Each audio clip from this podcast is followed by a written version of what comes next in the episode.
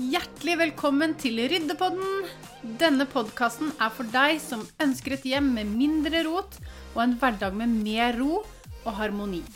Jeg heter Linn Maria Amundsen, og gjennom min egen ryddereise fant jeg ut at det å få orden hjemme var selve nøkkelen til mer tid, frihet og indre ro. Og I denne podkasten deler jeg tips og triks og konkrete verktøy som vil inspirere deg til å starte din egen ryddereise sånn at du får en hverdag med mer tid til det du elsker, og etterlengtet ro i sjela.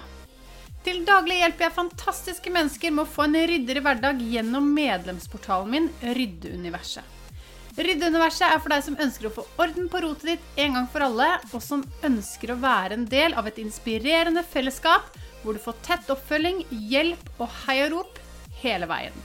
Du vil komme til å høre at jeg reklamerer for disse tjenestene i denne podkasten, sånn at det skal være enkelt for deg å vite hvor du finner meg hvis du skulle trenge litt ekstra hjelp underveis i ryddeprosessen.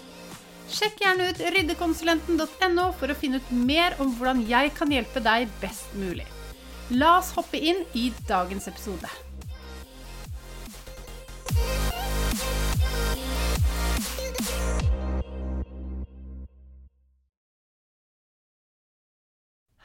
Og velkommen til dagens episode som skal handle om hvorfor det er så viktig å ta pauser i løpet av ryddeprosessen. For det er ofte sånn at vi kjører på, og så glemmer vi å ta pauser. Og dette gjelder jo generelt i livet, men også når vi rydder og organiserer hjemmet vårt.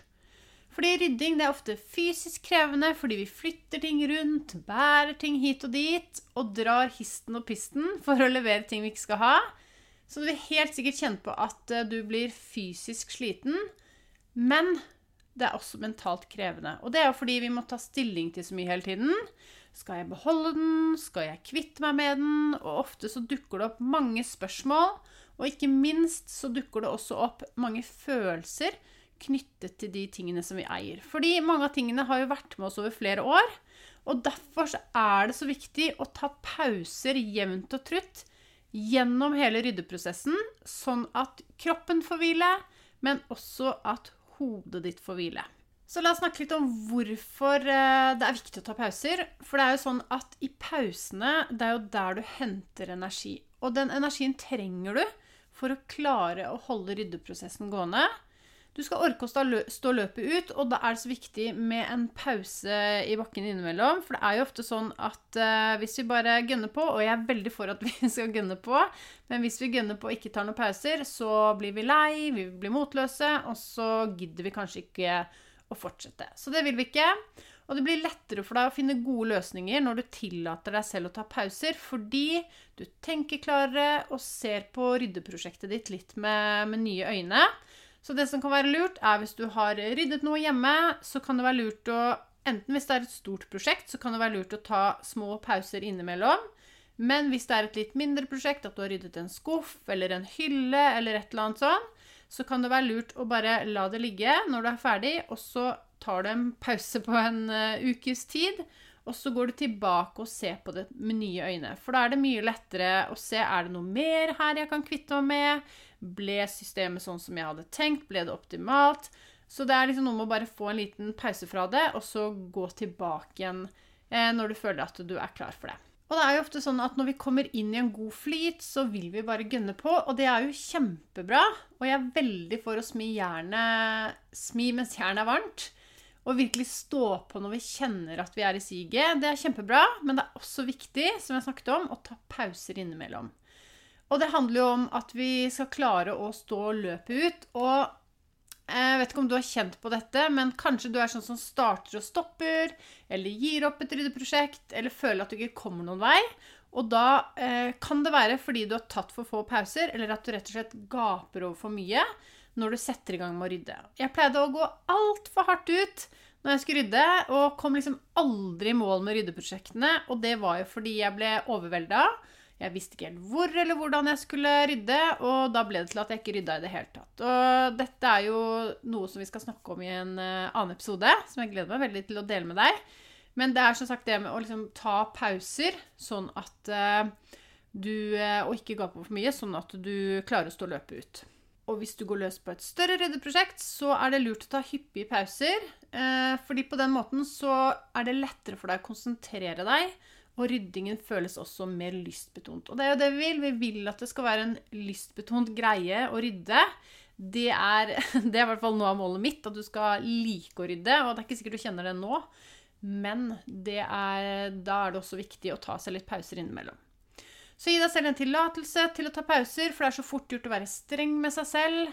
Ja, vi skal kjøre på, men hva gjør det med deg hvis du aldri stopper opp? Og så er det da at hvis du har ferdigstilt et ryddeprosjekt, ta deg en pause. Nyt at du har kommet et steg nærmere hverdagen du vil ha. Kanskje det er en hverdag med mer tid, frihet, kvalitetstid med familien, eller bare rett og slett uh, nyte livet litt mer enn du gjør nå. Og da er det viktig å stoppe opp, anerkjenne det du har fått til fram til nå, fordi det vil hjelpe deg til å gå løs på nye ryddeprosjekter. Og det er så viktig å fokusere på alt du får til, sånn at du blir motivert til å fortsette. Og nå som jeg snakket om hvorfor det er så viktig å ta pauser, så er det også viktig å snakke litt om hvorfor vi ikke tar pauser like ofte som vi kanskje burde.